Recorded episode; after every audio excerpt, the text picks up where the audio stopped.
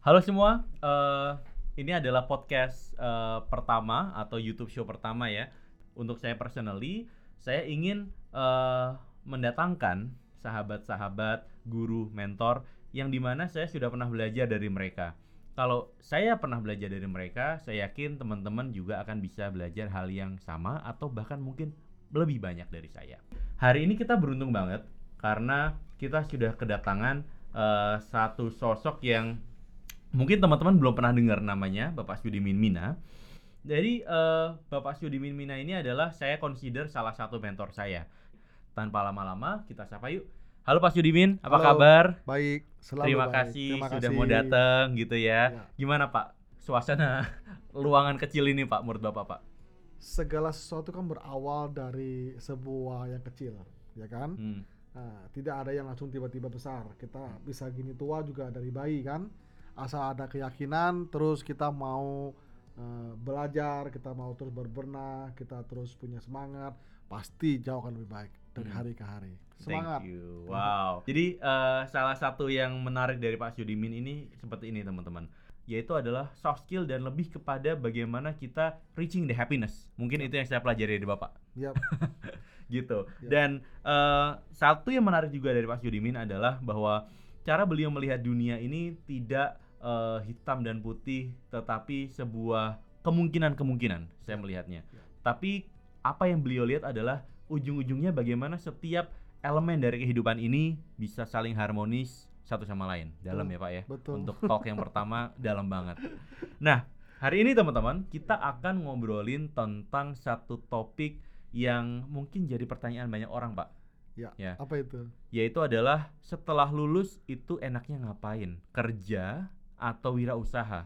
Ya. Sedikit eh, sedikit background Pak. Ya. Jadi gini, saat ini kan kalau dulu zaman Bapak ya, Bapak Hmm. umurnya berapa Pak? Eh, udah kepala lima. Udah kepala lima ya, udah jauh banget ya. Jadi udah kepala lima pengalaman sudah banyak. Kalau zaman lima- Bapak dulu Kepala lima semangat 25. harus dong gitu ya. Kalau zaman Bapak dulu Pak, kira-kira eh, lulus habis itu rata-rata bener nggak kalau orang rata-rata pingin kerja di tempat-tempat yang stabil, bank lah, Hmm. PNS dan segala macam bener nggak Pak? Iya, karena pada saat itu beda dengan zaman sekarang ya. Nah, saat itu orang tua pengennya anaknya sukses, nggak seperti mungkin eh, kalau untuk beberapa kalangan dia pedagang, kadang-kadang surut, kadang-kadang maju. Dia ingin anaknya itu kuliah, kemudian setelah itu kerja mapan, jadi pimpinan, direktur, gaji, mobil dan seterusnya begitu. Nah, itu menjadi tolak ukur. Mungkin sampai sekarang sebagian orang tua masih ingin seperti itu dan itu tidak salah. Oke. Kalau misalnya andai kata saya sekarang saat ini misalnya seumur dengan teman-teman misalnya mau lulus, pikirannya adalah mau usaha atau mau kerja. Jawabannya adalah tentu bisa berbeda-beda ya karena manusia kan beda-beda. Hmm. Nah, kalau kalau saya dan saya juga sarankan ke teman-teman lainnya, coba aja. Coba aja yang di depan mata. Jadi nggak perlu terlalu banyak hitung-hitungan. Hmm. Kalau misalnya di depan mata ada ide eh, bikin sesuatu, coba dan dalami dan pelajari, ajak teman, coba explore dan jangan cuma satu, Hmm. coba juga yang lainnya. Pak, kalau gitu nggak fokus dong, pokoknya coba dulu. Ya kan setelah sudah dapatkan eh, feelingnya, entah itu dia adalah misalnya usaha sendiri atau mungkin juga kerja dan kerjanya pun juga jangan jangan khawatir kalau memang harus tangan kotor dulu misalnya. Nah tapi kalau misalnya ada kesempatan kerja, belajar sama orang, bagus juga sebetulnya. Dan jangan khawatir gitu loh. Usaha atau kerja dua-duanya bagus sebetulnya. Karena ada satu masa seperti juga buah, itu akan masak. Itu akan ketemu sendiri bahwa ini ternyata usaha dan usaha itu ada lebih nyaman buat saya. Nah, lakukan dan dalami lebih jauh. Dan Hmm. Jadi Nah. sebenarnya dua-duanya benar ya Pak ya. dua-duanya sih ya kalau klisenya adalah Hmm. bagus ya kan Hmm. tapi eh, generasi sekarang sudah mungkin lebih lebih punya keberanian lah dibanding dengan mungkin generasi saya nah Hmm. kalau mau usaha sendiri coba explore belajar belajar dari te- di tempat ini ya kan belajar dari para orang-orang yang mungkin sudah pernah jatuh bangun ya kan jangan jangan khawatir eh, bahwa sesuatu itu eh, akan selalu mulus eh, itu pasti ada jatuh bangunnya Mhm. dan jangan jangan khawatir Tuhan atau mungkin kita sebagai manusia pun juga selalu ada jalan keluarnya lah untuk bisa Hmm. lebih sukses. Saat ini tuh eh, lagi ngetren, bisa dibilang lagi ngetren ya, atau lagi jadi buzzwordnya adalah entrepreneurship. Hmm. Itu buzzwordnya. Hmm. Istilahnya dan pemerintah pun nge-push itu, Hmm. which is itu bagus. Karena menurut data eh, suatu negara itu membutuhkan satu dari 200 warganya untuk Hmm. jadi wirausaha Yap. in order untuk negara itu bisa berkembang secara ekonomi. Yap. Itu data ekonominya. Hmm. Tetapi kan eh, tentunya menjadi entrepreneur sukses itu banyak liku-likunya, ya kan? Hmm. Dan saya ingin tahu nih untuk teman-teman nih, eh ketika menjadi entrepreneur, what does it take to be successful? Karena bapak sudah eh, melalui jalan itu duluan. Yap. Dan kalau misalnya menjadi karyawan pun, what does it take to be successful? Karena tadi bapak bilang semuanya bagus. Hmm, hmm. Oke, saya pernah baca buku. Saya pernah baca buku kombinasi juga dengan beberapa pelatihan ya di tempat saya bekerja sekarang ini. Ternyata untuk menjadi seorang entrepreneur memiliki harus memiliki soft skill, memiliki pengetahuan yang agak sedikit berbeda dengan kalau jadi eh, seorang karyawan misalnya. Eh, kebetulan eh, ada sekitar kalau tidak salah 12 12 soft skill 12 soft skill. ya double soft skill baik dia sebagai entrepreneur atau dia sebagai seorang profesional oke benang merahnya dari 12 itu kalau saya mungkin lihat intisarinya itu dari dari eh, kata-kata attitude Attitude. attitude Hmm. oke attitude itu nanti lari ke mindset ya lari ke pola pikir lari ke growth mindset dan segala macamnya itu. Nah jadi itu itu itu, itu benang merahnya. Dua-duanya tuh uh, baik dia profesional atau dia sebagai seorang karyawan harus berawal memiliki sebuah attitude mindset yang yang tepat ya. Contoh kalau jadi karyawan ya jangan takut kalau misalnya ada sebuah penugasan yang sulit itu terima. Dan itu saatnya kita belajar kalaupun misalnya ada kesalahan, it's okay dan nggak akan tidak akan selalu perfect dan pimpinan pun juga akan bisa memahami sepanjang sepa- sepanjang komunikasi itu jelas ke pimpinan kenapa ini mungkin belum mulus seperti apa yang diharapkan dan rencana ke depannya untuk koreksi seperti apa. Itu attitude. Sama kalau misalnya kita mau usaha sendiri eh, saya pun juga sekarang sudah mulai belajar dari umur begini untuk usaha sendiri. Sama attitude. Attitude untuk dapatkan bisnis. Kalau kita kerja enak setiap bulan pokoknya dapat gaji. Kalau kita usaha dimulai dengan kita dapat prospek, kita dapat bisnis, kita dapat lead. Itu pun bu- mem- membutuhkan attitude, membutuhkan mindset. Kalau misalnya kita harus jalan lima langkah untuk dapat satu buah, nah kalau mau dapat dua, kira-kira ka- kalinya adalah kali dua, lima kali dua, sepuluh langkah. 10. 10 langkah. Nah, attitude untuk kita bisa semangat, terus jangan patah, jangan jangan uh, dikit-dikit mengeluh, uh, coba untuk cari terobosan baru, penuh inovasi, kreatif, baca buku, belajar dari teman-teman, uh, muka pun juga positif, semangat, postur tubuh dan segala macam itu, itu ujung-ujungnya ya sebuah ilmu juga kalau anda misalnya mau jadi seorang pengusaha, Hmm. gitu. I see. Jadi apa pun betul, mau jadi Ya, pengusaha kah, sama. mau jadi karyawan kah, Iya. selama kita punya attitude yang tepat. Itu satu ya kan. Nah, tentunya ada lagi yang lain-lainnya Hmm. yang saya bilang ada 12 uh, soft skill. Mungkin lain waktu uh, saya bisa bawa bukunya. Uh, Mhm. mungkin juga saya bisa rangkumkan dengan lebih baik Mhm. dan saya bisa share lebih terstruktur. Oke, Ya, oke. Lain waktu mungkin ya. Oke, boleh, boleh Ya. banget. Dan eh, ngomong-ngomong tentang entrepreneurship ya.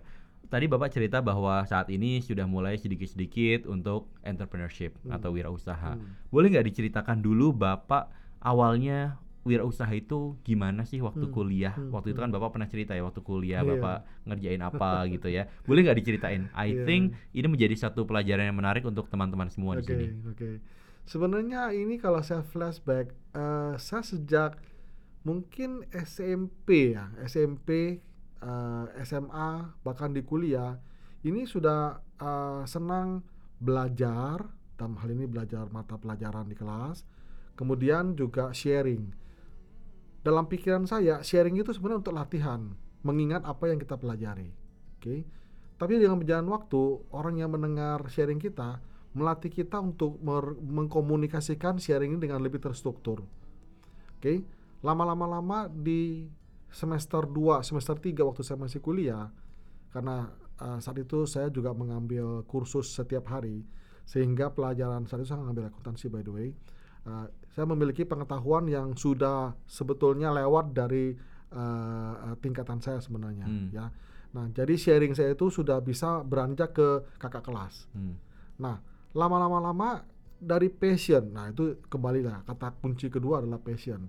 Jadi kita punya attitude, kita punya mindset, nah, diimbangi juga dengan passion, semangat.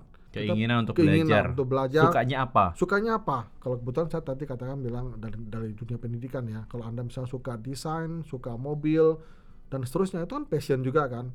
Nah, attitude plus passion yang positif itu itu dua hal plus nanti yang lainnya itu sebuah power yang luar biasa itu kayak colokan listrik itu tuh menghasilkan energi yang sangat luar biasa.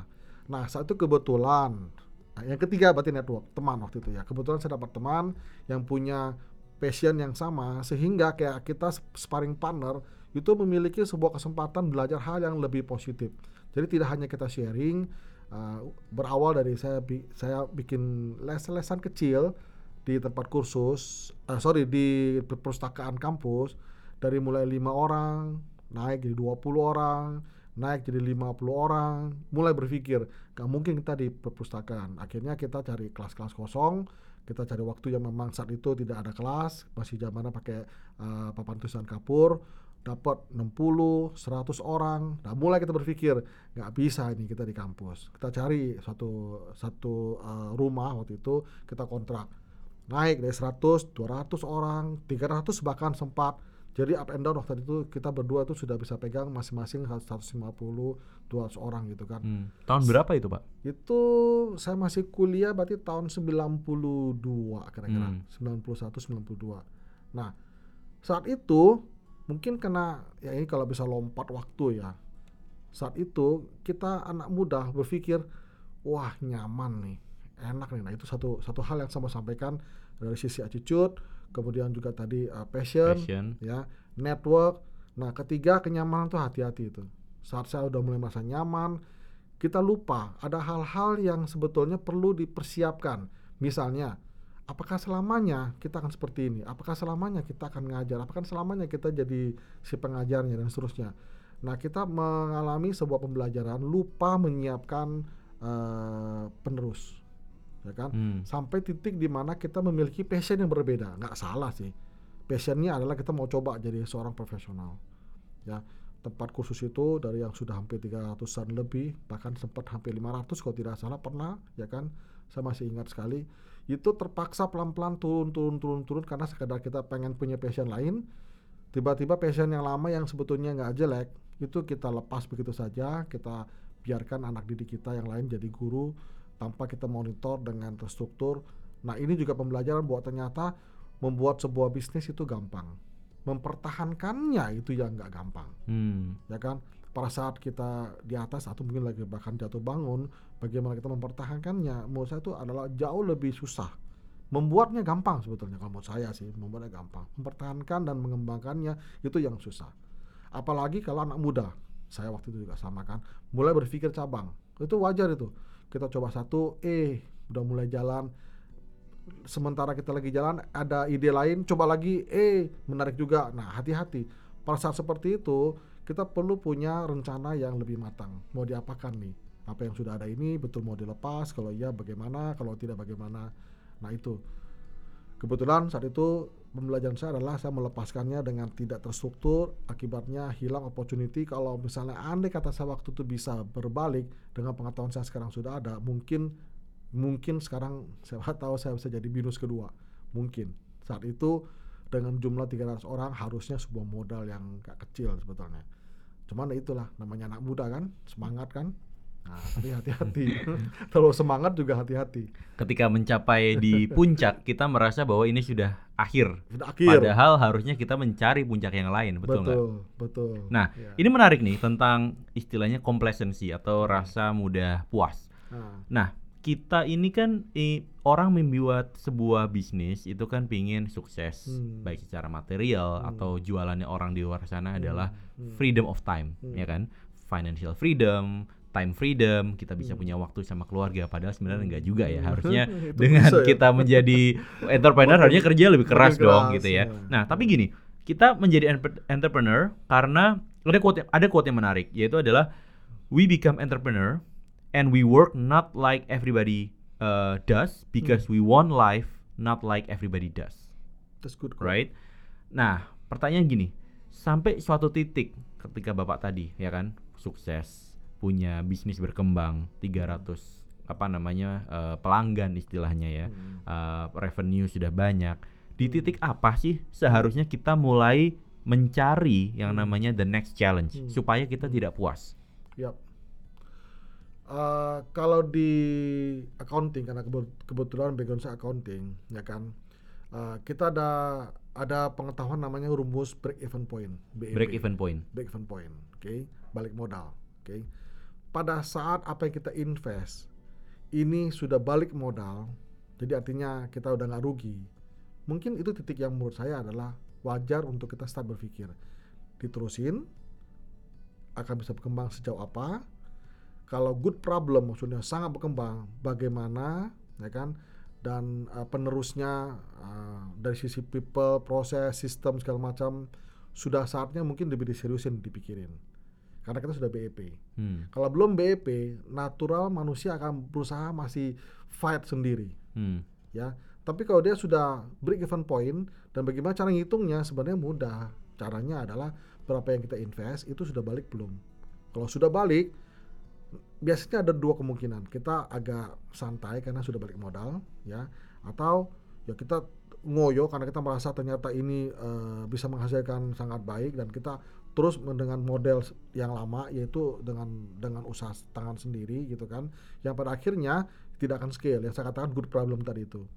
Nah di titik itu mungkin yang kita perlu eh, slow down dikit ya kan? Bukan berarti kita stop tapi slow down dikit kita pikirin. Ini sudah saatnya istilahnya perusahaan dari kecil menjadi lebih besar. Biasanya permasalahannya jadi dua, dua kali lipat. Yang tadinya nggak ada masalah people tiba-tiba sekarang ada masalah people karena sudah mulai rekrut orang dulu semua sendiri nggak ada proses decision making langsung sendiri sekarang tidak akan ada birokrasi nah itu perlu perlu dipikirkan bagaimana ini bisa berjalan dengan baik Hmm. itu loh menurut saya gitu menurut saya Kuncinya adalah pada saat kita mencapai break even point, that's the Hati-hati, time ya, kita harus mulai gitu. berpikir, Berpikir. refleksi. refleksi kalau Mhm. mau kalau mau dibikin double triple bukan nggak mungkin nah bagaimana sistem-sistemnya pendukungnya seperti apa Hmm. perlu dipikirin Oke. gitu Saya mau switch eh, gigi sedikit nih, switch gear Oke. sedikit ke balik ke karyawan. Hmm. Tadi kan kita sudah menggali banyak tentang eh, menjadi entrepreneur. Sekarang saya mau switch ke balik ke karyawan. Hmm. Misalnya kita menjadi karyawan ya, eh, takaran sukses seorang karyawan itu apa pak? Ini menarik karena kenapa Hmm. saya tanya itu? Karena seperti ini, semua orang berpikir standar sukses itu apa? Materi, Hmm. Jabatan. Artinya Hmm. apa? Hmm. Kita dari staff naik menjadi manajer, Hmm. menjadi senior manager, menjadi director dan seterusnya. Hmm. Padahal kan makin ke atas itu kan slotnya makin sedikit, Hmm, kursinya betul. makin sedikit. betul Not everybody will be able to reach to the top. Itu fakta. betul Bukannya saya mendiscourage, tapi itu fakta. Hmm, Nah, hmm. Menurut Bapak, harusnya kalau kita menjadi karyawan, goal kita apa? Going up to the top atau apa sih, Pak? Oke, itu pertanyaan yang lumayan susah ini. What is success Ya, as a employee as basically? Oke, karena employee itu ukurannya kan gaji, ya kan, dan beberapa fasilitas, ya kan, eh, juga mungkin jabatan, dan Punya ruangan lainnya, sendiri. ruangan, eh, mobil, Punya asisten. asisten, Bapak punya asisten nggak? Punya. Punya Nah. ruangan? Kalau sekarang sudah tidak. Udah enggak ya? Tidak. Kenapa? Karena memang konsep eh, di tempat saya itu sudah berubah. Hmm, Semua zaman sekarang semua kayak gitu, Pak. Semua sudah benar. open space. Nggak cuma Bapak. Ya. Anyway, gimana tuh, Pak? Poinnya adalah mungkin kembali ke orangnya kali. Mhm. Kembali ke orangnya. Tadi kan kamu juga sampaikan bahwa posisi top namanya top cuma satu. Mana ada ada direksi dua, direktur utama dua, nggak mungkin. Cuma satu. Nah, kembali kepada orang. Kalau saya itu saya gambarkan eh, sayanya apa yang saya mau capai adalah mungkin apa pembelajaran yang saya mau.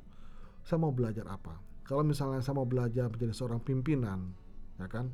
Maka tentunya saya akan ing- saya akan melakukan eh, konseling dengan manajer saya bagaimana cara menjadi seorang pemimpin pemimpin dalam konteks kecil maupun yang besar dan pada saat kita bisa mencapai pembelajaran itu itu konteks sukses itu kan sebenarnya juga sudah sukses yaitu sukses kita belajar sukses kita mau punya gaji yang mapan gaji mapan itu nggak harus di, disetarakan dengan uh, jabatan yang tinggi belum tentu juga karena ada juga sales misalnya meskipun dia profesinya adalah account manager sales tapi dengan bonus dengan dia Bonusnya dapat lebih gede daripada Iya. gaji. bonusnya dia gabungkan dengan gaji bulanan bahkan bisa lebih besar daripada Mhm. pimpinan utama misalnya. Nah, jadi kriteria apa yang kita mau cari? Kalau memang itu adalah mungkin eh, materi dalam hal ini banyak cara, nggak harus menjadi seorang pemimpin dia bisa mendapatkan lebih. Ada cara lain, termasuk eh, kita bilang eh, single contributor. Jadi contoh kayak orang Mhm. sales tadi itu.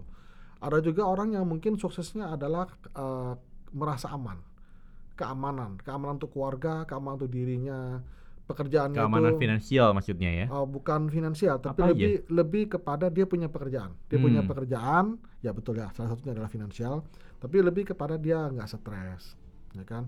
Uh, Punya keluarga- waktu untuk keluarga. wak- ya waktu punya keluarga Sabtu Minggu pasti dia tidak tidak perlu harus ngoyo beda dengan kalau entrepreneur kalau entrepreneur setahu saya teman-teman saya Sabtu Minggu malah semua sibuk Hmm. Oke, itu itu ada saya bisa bilang eh, salah dan benar juga. Karena kalau kita menjadi seorang pengusaha pikiran kita bukan lagi untuk diri sendiri. Pikiran kita adalah karyawan kita mau Makan nanti- apa besok? iya digaji apa besok kalau kita nggak kerja. Beda oke?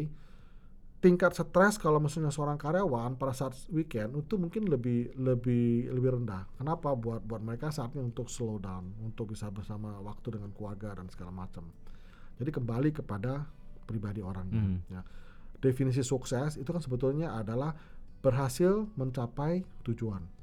Tujuannya tergantung. Ada mau dapat jabatan mau punya experience internasional mau bisa kerja di luar negeri eh, mau punya uang lebih banyak mau mencapai kebahagiaan dan segala macam. Nah itu di define aja Oke. gitu Menarik nih karena belum pernah ada setahu saya orang yang bicara tentang itu. Hmm. Karena kebanyakan orang bilang sukses itu adalah uang, sukses itu Ya. adalah jabatan, exposure, Hmm, ya kan. ya. Dan Bapak eh, I think em, sudah me- apa ya memberikan satu Hmm. practical guidance buat teman-teman bahwa sukses itu ya relatif. Hmm, hmm. Kita jangan bandingkan sama orang lain, betul kan? Hmm, hmm. Jangan sampai kita terintimidasi dengan definisi sukses yang ada di media, Betul. definisi sukses yang ada di majalah atau mungkin di Instagram. Ya. Apalagi sekarang Instagram itu apa ya? Ini etalase hidup ideal. Oh. Kalau Oh. Bapak lihat Instagram Hmm. orang, everything Hmm. looks so beautiful. Karena kenapa? Orang sudah sampai posting foto di Instagram, berarti kan sudah difilter. Hmm, This is hmm. the best part of my life. Dan Dan ketika kita pilih-pilih ya. betul udah dipilih-pilih, kita nggak tahu tuh misalnya foto itu satu yang diupload itu ada berapa yang di delete Iya, gitu kan kita nggak tahu juga. Iya. Tapi Instagram ini adalah uh, potret ideal kehidupan orang dan kebanyakan orang menjadi uh, punya mental health problem karena membandingkan diri mereka dengan apa yang mereka lihat di sekeliling dan apa yang mereka melihat di uh, media sosial. Ya. Jadi goalnya uh, kuncinya adalah menjadi karyawan sukses itu ya kita harus define dulu. Ya. Problemnya adalah ketika kita tidak punya definisi of Ya. success itu that's the problem, betul That's ya. a problem. Mhm. That's a problem. Pertanyaan lagi, tadi Bapak cerita bahwa ketika menjadi pengusaha, pada saat kita mencapai break even point, kita harus mulai berpikir what next. Hmm, hmm. Kalau karyawan, kapan kita harus berpikir what's next? Oke. Umur. Umur. umur. Kalau menurut saya sih umur, ya kan. Saya mungkin bisa dibilang eh, belajar dari pengalaman hidup. Andai kata saya bisa punya waktu eh, balik lagi, mungkin kalau sekarang kan umur udah kepala 5, 50 tepatnya, 49, 50 tepatnya. Menurut saya umur yang ideal untuk kita flashback untuk kita bisa menghitung ke depan kita apakah tetap mau kerja atau ada usaha sampingan atau dua-duanya misalnya ada. Idealnya adalah di umur sebetulnya mau saya mungkin 40 40 kenapa? ya. kenapa 40 Kenapa? kenapa 40 karena 40 itu eh, itu adalah masa-masa eh, fisik ya terutama. Masih masih dimungkinkan untuk coba-coba kalaupun misalnya ada kegagalan masih masih ada sedikit waktu untuk eh, kita Recovery. bisa recovery. kepala lima juga sebenarnya menurut saya sih belum terlalu terlambat masih bisa. Cuma tentu beda dengan kalau yang sebelumnya saya katakan. Hanya kalau umur 30 ini menurut saya terlalu dini. Terlalu dini dalam arti terlalu dini dalam arti dia sebagai karyawan untuk memutuskan dia oke saya mau jadi pengusaha saja lepas karyawannya. Atau saya mau jadi karyawan selamanya Ah, saya pikir mas- masih terlalu dini umur 30 kan berarti kan mereka-mereka yang mungkin baru baru menikah ya kan? Ah, ya sudah lulus tapi kerja baru mungkin sekitar 4-5 tahun mungkin. Terlalu dini pembelajaran dia kalaupun dia mau jadi seorang karyawan masih belum matang. Dari sisi kalau dia punya saham, dia punya tabungan segala macam masih belum terlalu cukup untuk dia punya pilihan dua-dua du- dua dunia. Terbaik sebetulnya kalau menurut saya pribadi adalah dua dunia. Dia juga karyawan, ya kan, tapi dia juga punya usaha. Usaha nggak harus selalu dia yang jalanin kan, bisa temennya, bisa bisa profesional. eh, artinya ada orang lain yang mengerjakan. Nah, kira-kira itu saya maksud. Mungkin Hmm. umur kali. Umur ya. Umur uh, saya tadi sebut angka mungkin pribadi uh, saya bilang begitu teman-teman lain bisa nggak setuju is okay Hmm. Tapi mungkin umur kali yang nggak apa-apa karena kan memang eh, ide dari eh, pembicaraan kita adalah kita Hmm. ingin mengekstrak sebenarnya insight dan wisdom dari seorang Pak Sudimin Mina seperti Betul. itu. Jadi tidak ada yang salah, tidak ada yang benar. betul Eh, dan itu semua relatif ya. Mungkin ada orang yang mulai berpikir mulai dari umur 25 is fine Bisa. ya kan. Karena Hmm. kebetulan eh, di umur 25 tabungannya sudah banyak bisa dan kemudian dia sudah punya banyak disposable income untuk Hmm. diinvest ke usaha Hmm. lain. Boleh Bisa juga, gitu ya. Oke, last questions. Hmm. Untuk teman-teman di luar sana yang sedang mendengarkan atau menonton Hmm. eh, apa yang kita sedang bicarakan Hmm. ini, eh, pesan Bapak apa untuk mereka supaya Hmm. mereka punya hidup yang balance? Karena gini Pak, eh, kehidupan modern ini kan menuntut kita untuk punya safety, security dari sisi finansial, tapi kan in order together kita tahu ya persaingan makin eh, sengit, kemudian orang apa namanya eh, new entrant juga, Hmm. juga makin banyak. Ujung-ujungnya adalah kita burn out. Gimana Pak? Eh, kalau Bapak berkesempatan untuk memberi nasihat kepada eh, teman-teman yang sedang mendengarkan ini, apa yang Hmm. harus dilakukan supaya bisa membalance antara achieving your goal Hmm. dengan menghindari burnout atau Hmm. kecapean tadi? Oke. Well, mungkin saya boleh usul uh, yang pertama adalah jangan lupa yang di atas. Yang di atas tuh Tuhan. bukan lantai dua, maksudnya harus dijelasin dulu Pak. Bukan ada dua ada tiga. Yang lantai itu. Ya, Tuhan, uh, refleksi diri, uh, punya waktu uh, kalau mungkin kalau teman-teman muslim lagi sholat atau mungkin uh, teman-teman lainnya Buddhis, Katolik lagi berdoa misalnya, itu adalah waktu yang paling tepat untuk menenangkan pikiran, uh, berkomunikasi dengan yang di atas, uh, refleksi diri, jujur kepada diri sendiri, apa yang sudah dicapai, apa yang menjadi sebuah ke- kegelisahan, apa yang menjadi sebuah kemauan itu uh, dikomunikasikan. Karena uh, itu juga experience saya, banyak keajaiban-keajaiban dalam dunia dalam kehidupan saya ini yang terjadi karena komunikasi itu. Saya tidak tahu kok tiba-tiba eh kok kebetulan ya pas lagi komunikasi di sudah selesai kok menemukan jalan jalan terbaik lah saya. Ada aja Ada gitu aja ya. gitu Dan itu nggak bisa dijelaskan. susah dijelaskan makanya ini perlu dipraktekkan ya dengan kejujuran dengan ketulusan dengan dengan uh, hati yang uh, lapang ya kan? Uh, komunikasi saja ya. Jujur kita komunikasi. Itu pertama. Kedua untuk bisa balance uh, kita harus balik kepada mengapa kita ngoyo. Mengapa kita begitu gigih mau kerja ini mau usaha itu apa sih mau dicapai? Kalau memang anda punya keluarga apakah itu salah satu faktor? Anda mau supaya keluarga itu bisa lebih lebih hidup lebih baik misalnya lebih punya waktu nanti di satu hari misalnya.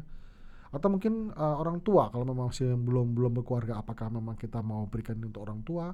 Atau untuk diri sendiri kita tahu bahwa dulu kita mungkin banyak kekurangan kita mau ini mau itu segala macam.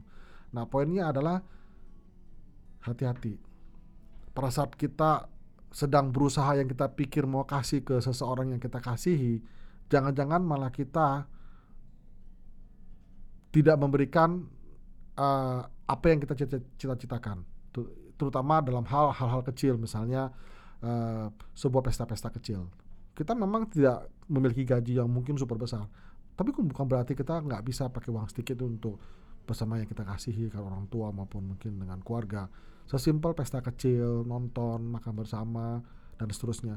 Itu yang yang mungkin saya pikir membalance Hmm. karena pada saat kita pikiran itu tidak terganggu oleh masalah yang kita sayangi, itu dia mungkin komplain, dia mungkin punya masalah lain, uh, kita bisa produktif, kita bisa lebih menghasilkan jauh lebih baik. Karena memang saya pribadi pun juga punya pengalaman, ada masalah keluarga, ada masalah apa yang kita bawa ke tempat kerja, itu betul-betul membuat kita jadi nggak fokus dan kerja pun tidak akan bisa maksimal. Begitu. Hmm. Mungkin mungkin itu dulu Terima kasih banget Pak Sudimin. Ini kita Sama-sama. udah ngobrol Thank lama you. banget. Jadi Ya, semoga teman-teman berguna. eh ya pasti berguna banget. Berguna. Eh, dan by the way Pak, ini akan eh, kita upload di Spotify. Mungkin teman-teman dengerin ini sambil Silakan. nyetir, sambil Boleh, mau boleh. pulang, mau ke kantor gitu ya. Hopefully teman-teman menemukan ini sebagai sesuatu yang berharga, bisa di eh, diambil hikmahnya, take away-nya dan bisa mulai dipraktekkan di kehidupan masing-masing. Oke. Jadi eh, sekian eh, sesi hari ini tentang entrepreneur atau bekerja. Dan kesimpulannya adalah semua bagus asal kita tahu definisi sukses kita apa. Satu, yang kedua adalah kita tahu what's next dan kita harus tahu kapan kita harus eh, menanyakan apa tantangan selanjutnya. Jangan sampai kita cepat puas. Dan yang ketiga adalah balance Ya. antara work dan antara life. Ya. Karena badan kita ada limitnya seperti itu. Oke. Eh, demikian dari eh, saya eh, undur diri. Wassalamualaikum warahmatullahi wabarakatuh. Ketemu lagi di sesi berikutnya. Terima kasih. Bye